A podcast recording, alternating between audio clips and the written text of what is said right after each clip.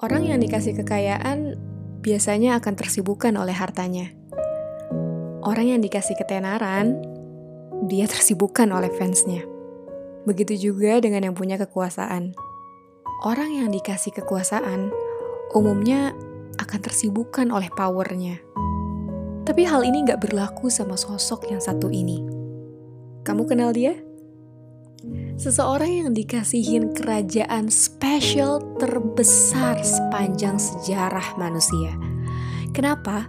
Karena orang ini tuh bukan cuma bisa ngatur manusia, tapi juga jin, hewan, bahkan angin. Oh, bayangin. Kurang amazing apa coba? Presiden mana yang punya power sebanyak ini?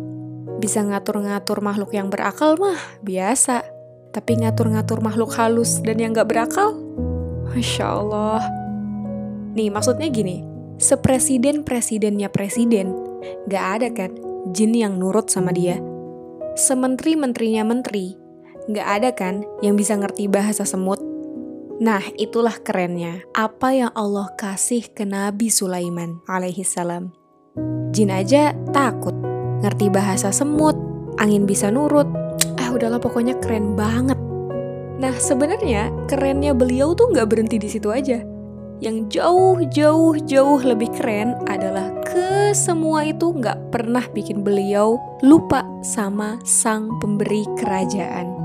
Padahal manusia kan umumnya kalau dapat hadiah yang mewah dan istimewa gitu, dia langsung auto sibuk. Saking hatinya tuh seneng sama nikmat itu jadi sering dipandang-pandangin, dipikirin terus, dinikmatin, dan lain sebagainya. Sampai-sampai terlena dan akhirnya gak punya ruang lagi buat mengingat sang pemberi hadiah itu. Nah, tapi hal ini tuh gak berlaku dan beda banget kalau udah di tangan Nabi Sulaiman alaihi salam.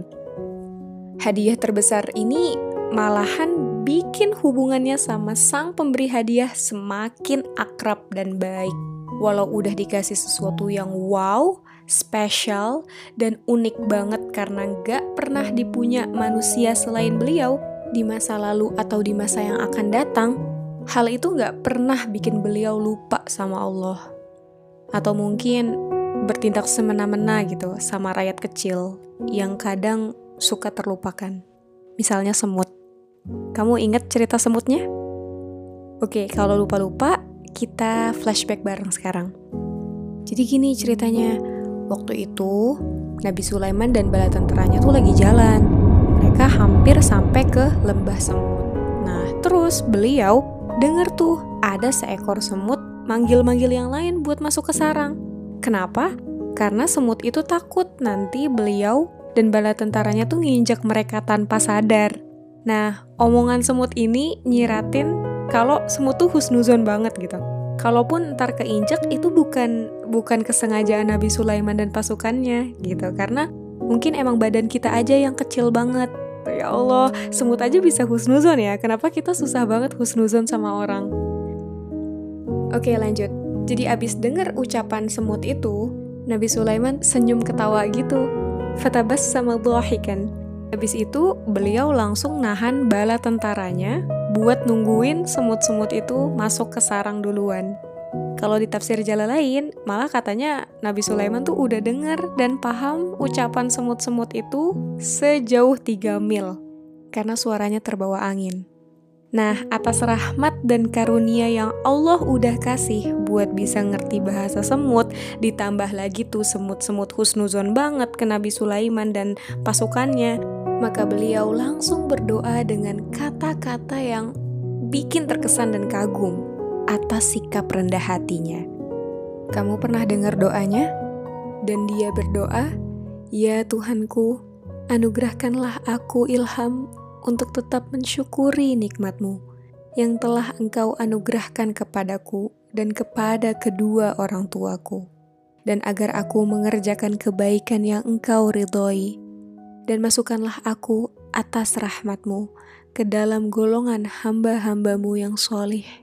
Quran Surah An-Naml ayat 19 Dari ayat itu, kalau kita lihat sebenarnya Nabi Sulaiman tuh minta tiga hal. Yang pertama, Beliau pengen dijadiin orang yang terus-menerus mensyukuri nikmat Allah. Yang kedua, beliau pengen dijadiin hamba yang selalu mengerjakan amal solih dan berkeinginan mengerjakan amal solih itu. Yang ketiga, kalau beliau udah meninggal dunia, beliau pengen dimasukin ke surga bersama-sama orang yang solih yang Allah udah ridho dan masukkan atas rahmatnya. Nah, dari doa tadi, kita bisa paham kalau sebenarnya yang beliau minta ke Allah itu kebahagiaan yang abadi di akhirat nanti. Walaupun udah dikasih kesenangan yang beraneka ragam dan kekuasaan duniawi, beliau cuma ngejadiin itu sebagai kendaraan aja buat lebih padat syukur pada Allah. Masya Allah. Jadi uh, sebenarnya dari yang kita bahas kali ini ada beberapa pelajaran yang bisa kita petik. Yang pertama, remarkable kingdom don't bother him at all. Jadi dikasihin kerajaan dan kekuasaan atas makhluk yang di bumi itu nggak ngefek apa-apa ke karakter Nabi Sulaiman biar jadi lebih buruk atau imannya jadi lebih lemah dan sebagainya.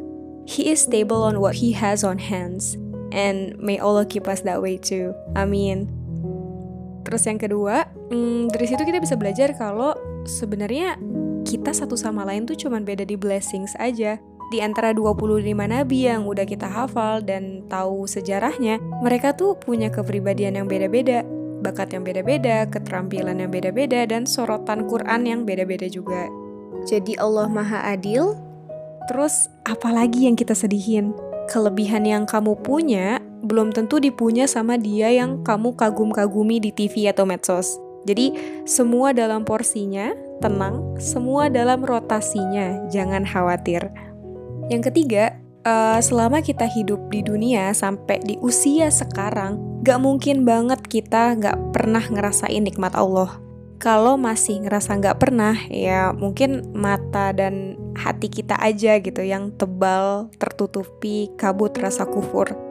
Dalam sikap mensyukuri, perlu banget kita jadiin Nabi Sulaiman sebagai role model. Ketika sadar nikmat Allah, yang dilakuin tuh bukan langsung upload ke sosial media, bikin orang-orang tahu gitu, tapi beliau langsung bersyukur, langsung ingat Allah, dan berdoa untuk kebaikan dirinya dan kehidupan yang lebih kekalnya, akhirat. Jadi, uh, coba deh sekarang ingat-ingat nikmat yang kemarin atau yang sampai hari ini, kita Udah gak sih bersyukur dan berdoa kayak beliau?